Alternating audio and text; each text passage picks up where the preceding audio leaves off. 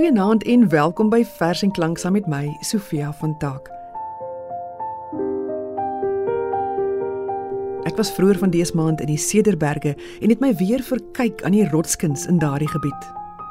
In die Maatjiesrivier Natuurreservaat se Truitjieskraal area is daar meer as 2500 van die tekeninge en in en rondom die stadsalgrotte is ook 'n paar pragtige panele waarop jagters en olifante en sjamaans uitgebeeld word. Wanneer 'n mens voor een van die kunswerke uit die oertyd staan, gaan jou verbeelding mos oploop. Jy probeer jou voorstel hoe dit moes wees om deel te neem aan 'n groot jagtog. Of dalk probeer jy ten minste net raai wat die meer abstrakte tekeninge dan nou sal beteken. Is dit 'n toneeltjie wat in hierdie wêreld afgespeel het of eerder in die geesteswêreld? Hier in Suider-Afrika is van die oudste en mees indrukwekkende voorbeelde van rotskuns te vind. Die ganse Drakensberg is oortrek van die rotskuns. Daar in die agterpakhuis is ook pragtige voorbeelde. Dan is daar Wildebeeskuil by te Kimberley en op die Makgabeng plateau, daar naby die Blouberg in Limpopo, is ook talle voorbeelde van Sotho rotskuns te sien. By die Todilo heuwels in Botswana is 'n hele paar panele. Namibië se Spitskoppe en Brandberg is ook baie bekende rotskunsterreine. En van die oudste rotskuns in Suider-Afrika is in 1969 in die sogenaamde Apollo 11 grot, so 'n entjie suidwes van Keetmanshoop gevind. Die tekeninge op brokke rots wat navorsers daar gekry het, is glo 25000 jaar oud. Ander bronne het dit weer as tussen 40 en 60000 jaar oud. Maar in 2018 was dit oral in die nuus. In die Blombosgrot naby Stilbaai is bewyse gevind van rotskuns wat tot 73000 jaar terug dateer. Ja, kuns is so oud soos die mensdom self. Dis skynbaar een van ons grootste behoeftes. Ons wil dit wat ons beleef uitbeeld. Ons wil ons stories vertel, dalk selfs om reaksie uit te lok. Maar ek dink die eintlike hinkering wat maak dat ons soos gekke en dwaase ons name skryf op deure en glase, is om te sê ek was ook hier. Ek het ook geleef. Ons smag na 'n mate van erkenning. Ons het 'n drang om iets na te laat, iets waaraan ons onthou kan word. Vanaand se gedigte handel dan oor hierdie gewoonte van die mens. Saam met my in die ateljee is Logner de Kok wat die verse vir ons gaan voorlees. En eerste aan die beurt is 'n gedig deur Fanny Olivier uit sy 1978 bundel Skimmelig, uitgegee deur Iman en Resou. Besoekersboek. Op die sel se mure het iemand uitgekrap of liewer ingekrap sy naam en al die dae van sy duskanse verblyf. Gaan mens op stap deur duikwee, stasies onder brûe, bly draai die vraag: Wie was die Pieter?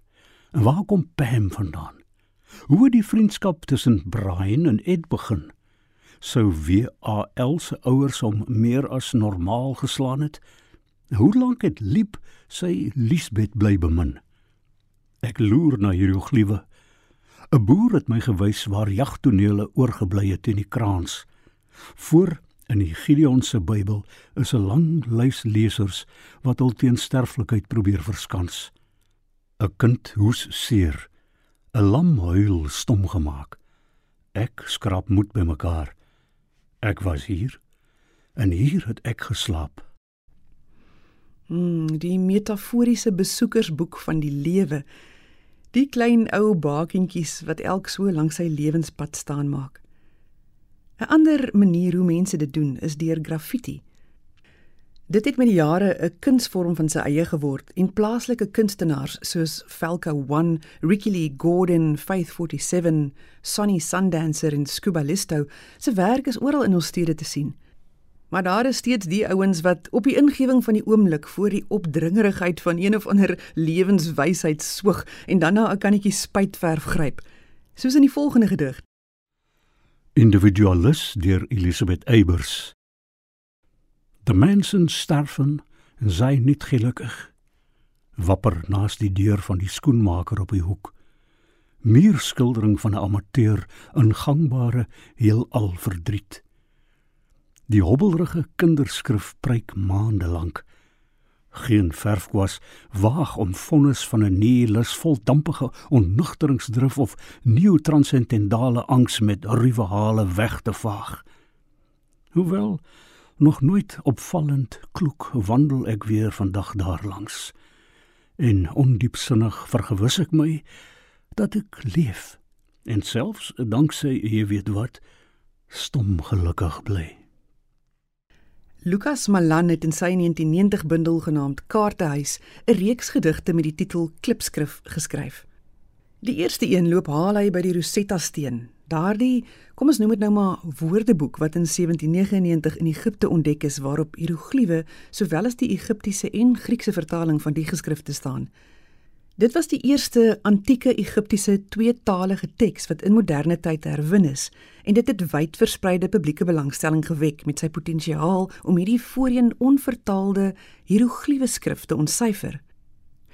Die steen is tydens die Franse besetting van Egipte onder Napoleon deur 'n luitenant in die weermag ontdek. Maar toe die Britte die Franse verslaan het, is die steen saam met hulle terug huis toe en dit word sedertdien in die Britse Museum in Londen bewaar. In sy tweede klipskrifgedig gaan draai Lukas Malan in die noorde van Namibië, waar die beroemde rotstekening van die sogenaamde wit vrou in die Maakgrot in 'n kloof in die Brandberg pryk. Die wit vrou is waarskynlik nie 'n wit vrou nie, maar eerder die uitbeelding van 'n sjamaan besig met 'n rituele dans. Maar soos met alle rotskuns kan ons nie 100% seker wees wat dit beteken nie. En die laaste gedig, se klipskrif, is baie meer modern en bekend aan ons almal. Kom ons hoor. Klipskrif 1 Van die Rosetta steen het ek gehoor, toe nagelees daaroor en wel begryp, die taal sny in op klip en dra sy semantiek veeltalig oor. Die woord kan splyt en sluip tot by die grens van volbegrip. Maar in die taal se vlotte gimnastiek lê ingebed 'n tong se lomp artikulasie, spel en mening van die spreker. Dit bly op stuk van sake seldsaam dat die lip se bundel telkens klop met die opklip. Klipskrif 2. Voorgangers op hierdie kontinent het naas kalbas en elandvel ook klip gebruik om te formeer. Gevang in aardpastel, 'n tafereel van jagparty en wydingsritueel rondom 'n vuur. Sonderlinge kontingent is die figure uit 'n veerpenseel wat dansende geskiedenis beskryf. Maar nog vreemder was die insident toe daar in Brandberg se distrik 'n vrou van heelwat ligter pigment die boog opneem en teen die klip met skrede soos pentasilias en die swaar graniet net ligvoet sprik. Klipskrif 3 En dan die grafskrif met die doel om bondig aan te gee, veelal te eer die lewe en wat agtenswaardig was van wyle naverwant. 'n Groot veldheer, gebore toe, gesneuwel hier. Of soms rus myn kinders, rus en vrede. Meestal deur 'n teksvers ondersteun. Ons hoop op gesang 6 vers 9, want woorde het 'n langer duur as hul op God se alfabet berus.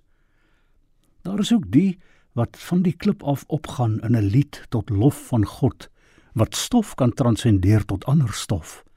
Amazing grace verlos glo uit die graf.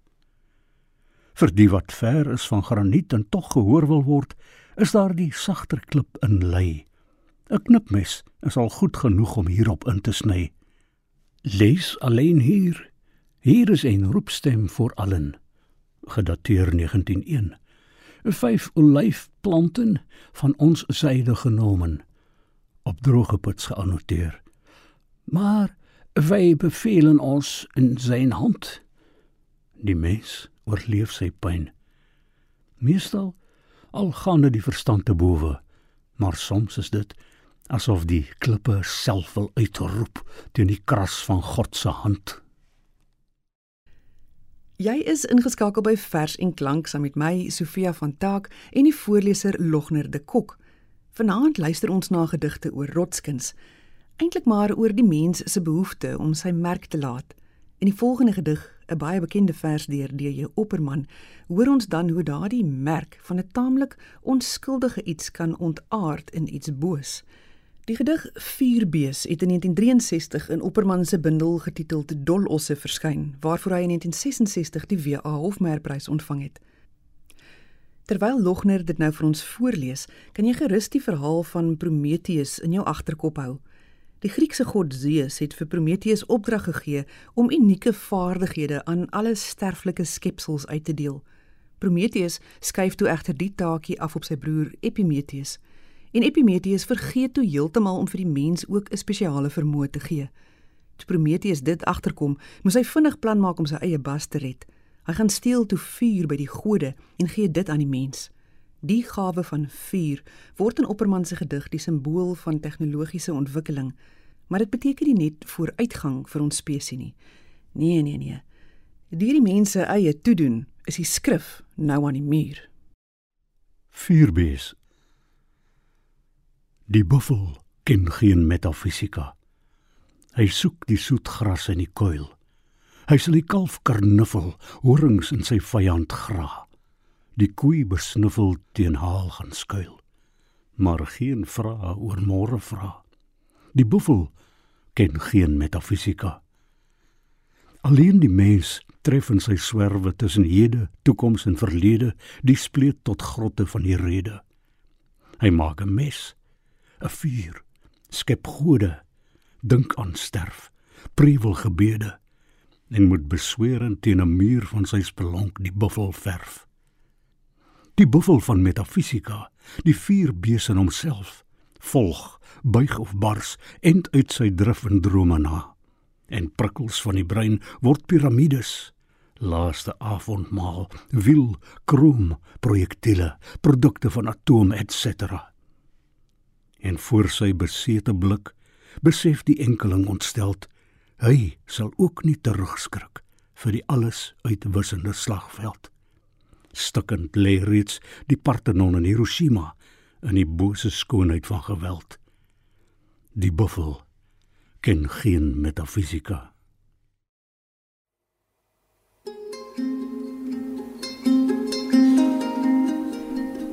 En steeds terwyl die vuurbees aanhou om hierdie wêreldjie om te dolwe, bly rotskuns ons derendtyd herinner aan 'n meer gebalanseerde, 'n meer edele manier van bestaan.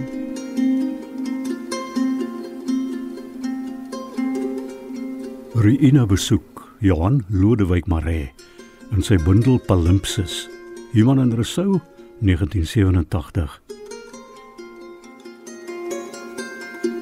Ek en my vrou kyk en trek op papier die grondplanne na van ruïnes in die kloofkamp. Hier het Klomisa gewoon. Hier is 'n beeskraal. Hier is die hutte Hier is 'n binnehof Hier is 'n maalskuiling. Hier is die maalklip. Hier is 'n regop klip, 'n graf. Hier in die beskutting van rande en vlei is gebore en doodgegaan voor die Mareses oor die Drakensberge gekom het met hul vrouens en kinders en vee en hoenders en honde na waar wild geloop het en ander se beeste onder die oorhang van 'n rots draf 'n eland rooi en vaal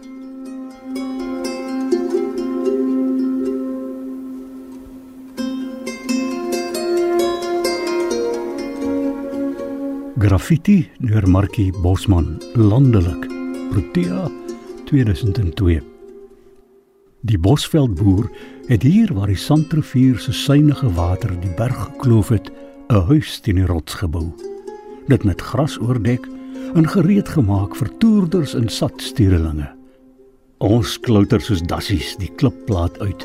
Kyk hoe Swanepoel en Matsweo hul name mors oor jagter, olifant en kudukoei. Loerie en suikerbek verf skitterend die bergalwyn en voelend blare van boswilgen se ring. Laat spatsel soos legene, geel en rooi en hoogstreep arend en aasvol teen die kraans. In die droë bedding trap ons dwars oor die fyn pad van bosbok en terntaal maar sluit die deur as ons die luiperd woordloos hoor.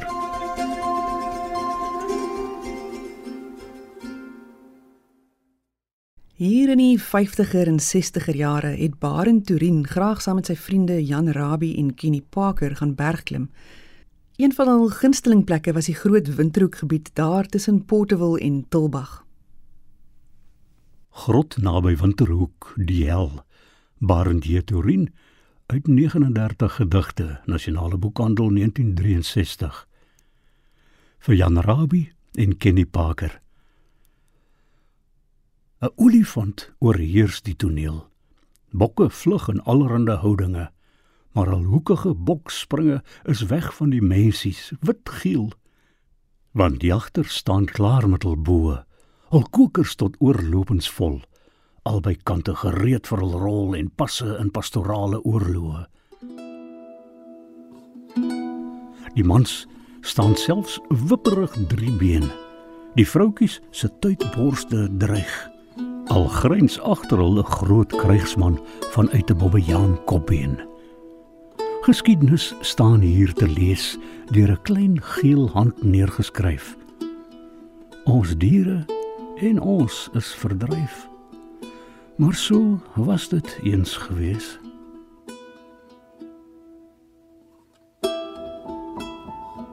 Rots skuiling, Louise Boshoff, handlandskap, Perskor 1988.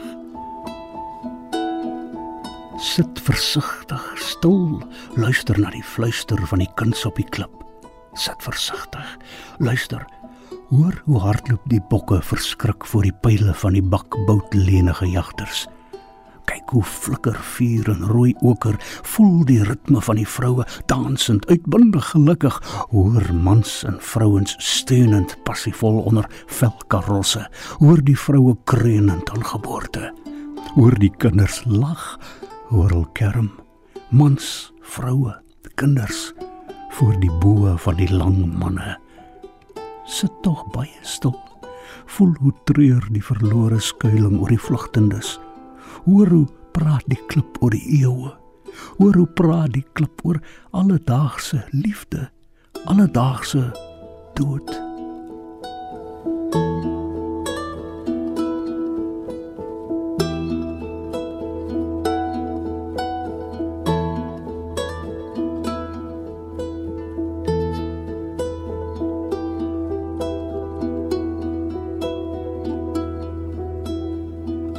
San Grotskilder, Marie Grobber. Echos in bewolkte water. Protea Boekhuis 2014. O nag het sy onder die maan die oker tot vuurrooi verfrom verhit. Hy meng dit in die son met elandbloed, haal geelbruin uit die klip se wegkruip hart, meng houtskool met plantsap verswart, werk versigtig met die rare klei se wit. Die voorvaders paai sy ore met oudtydse woorde. Maak sy oë vir nuwe dinge oop. Hy praat deur die voelveerpunte aan sy rietkwaste in die bokhoringhouers vol kleure gedoop.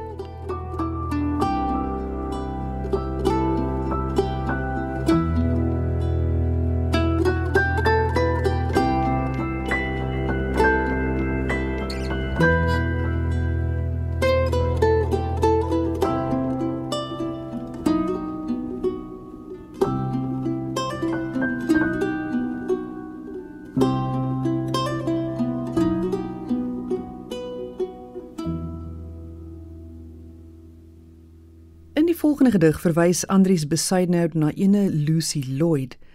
Baie van wat ons vandag weet van die San se leefwyse en kultuur in die pre-koloniale era is te danke aan haar en haar swaar Wilhelm Bleek se woord-vir-woord transkripsies van narratiewe en poësie uit die San se taal.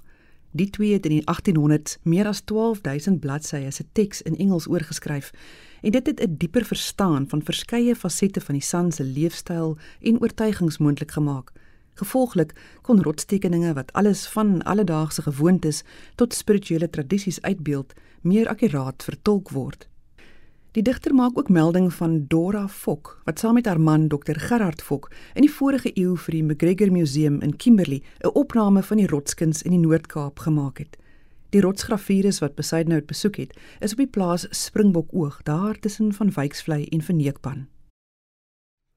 Rotsgrafiures by Springbokoog Andries Besuidnout. Veelvuldige gebruike van huishoudelike toestelle by Protea 2014. Hier tussen skalie en moddersteen het lava deurgebeur sweeries tot horingklip gebak, toe in doleriet gestol. Nou skermutsel die eysterklip met wind en soms, net soms, beneukte donderstorms om hul soutpan uitsig te behou. 'n Brinkkop, sê Tabo van Bitterputs. Hier aan die ander kant skryf Lucy Lloyd lank gelede in Mowbray, ver hier vandaan. Druppels kastei roesbruin rotse. Hul kaal koppe dassie pis swart deur kalsium en titanium gepatineer. Die woestyn se git vernis vir grafeerders wat kap en skraap, eland en olifant uit klip uitraap. Die oudste diere reeds deur reën verweer swart gesmeer.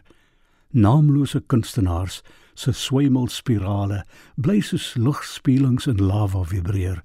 So anders as die merk van ene Silje metale gedateer 7 November 1880 is so anders as die klank iewers op band van Dora Fox se rotsgongspel.